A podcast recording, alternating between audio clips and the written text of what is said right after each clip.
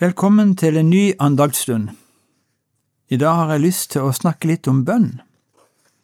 Det er en fantastisk mulighet som er gitt oss. Jeg har lyst til å begynne med å lese fra Matteus 7, vers 7–12. Be, så skal dere få. Let, så skal dere finne. Bank på, så skal det lukkes opp for dere. For den som ber, han får, og den som leter, han finner.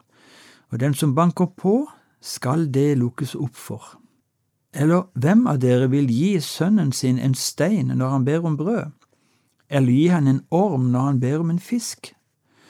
Når selv dere som er onde vet å gi barna gode gaver, hvor mye mere skal ikke da deres far i himmelen gi gode gaver til den som ber han?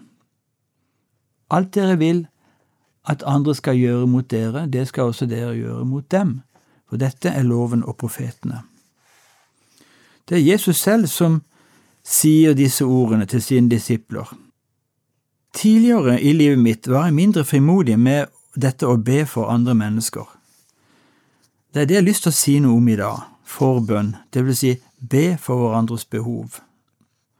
Som sagt, jeg var mindre frimodig tidligere. Tenk om Gud ikke svarer slik som jeg tenker at han skal? Da vil både jeg og vedkommende som jeg ber for, kanskje blir skuffa. Men dette har jeg kommet litt videre med for min egen del. Når Jesus nærmest befaler meg å be, så er det jo også hans ansvar å svare på bønnen, slik at det blir til velsignelse. Jeg har hatt en del opplevelser der jeg selv har hatt behov for forbønn. Da har jeg gjerne oppsøkt noen som jeg tenkte ville be for meg ofte etter et møte eller en gudstjeneste. Derfor har vi ofte forberedere klare til innsats i våre gudstjenester. I Frikirka der jeg har mitt åndelige hjem. For noen år siden sleit jeg med søvn.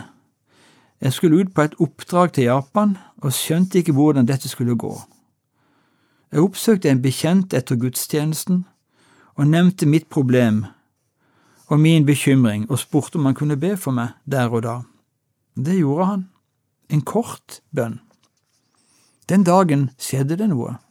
Jeg begynte å tenke annerledes, og situasjonen var snudd. Jeg fikk etter hvert søvnen tilbake, og angsten for ikke å få sove forsvant litt etter litt, og jeg hadde lært noe. Jeg har blitt mer frimodig, som jeg sa. For noen uker siden traff jeg en eldre dame etter gudstjenesten og spurte hvordan hun hadde det, og var forberedt på å høre på henne. Hun fortalte at hun sleit som med svimmelhet.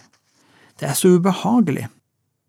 Skal jeg be for det, spurte jeg, her og nå, og der vi sto i baksalen av kirka. Ja, det ville hun, og så var en kort bønn om at Gud ville gripe inn, Hun sa ammen, og så gikk vi fra hverandre.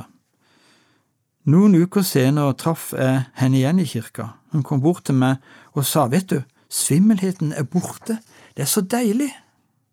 Vi så på hverandre, smilte og sa takk til Gud. Noen ganger svarer Gud der og da. Det kan være veldig flott å oppleve, og innbyr til takk. Andre ganger må vi vente på svar. Det kan gå uker, måneder og år, og noen ganger svarer Gud med et nei ja, så får vi finne oss i det også, at når svaret er nei, så er det noe vi skal lære og erfare. Iallfall for meg er det godt å be, være frimodig og så si Gud har ansvaret for bønnesvaret. Det er ikke mitt ansvar, men det er Guds ansvar når vi ber til Han. Så er det godt å overgi situasjonen og svare til Gud den allmektige. La oss be. Vår Far i himmelen La navnet ditt helliges. La riket ditt komme. La viljen din skje på jorden slik som i himmelen. Gi oss i dag vårt daglige brød, og tilgi oss vår skyld, slik også vi tilgir våre skyldnere. Og la oss ikke komme i fristelse, men frels oss fra det vonde. For riket er ditt, og makten og æren i evighet. Amen. Herren velsigne deg og bevare deg. Herren la sitt ansikt lyse over deg og være deg nådig. Herren løfte sitt åsyn på deg og gi deg fred. Amen.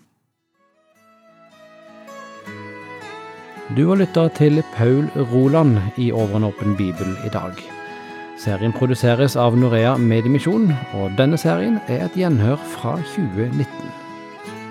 Har du kommentarer eller spørsmål, så ta gjerne kontakt med oss. Du kan bruke e-postadressen postalfakrøllnorea.no, eller du kan sende oss en melding via Facebook. God sommer videre.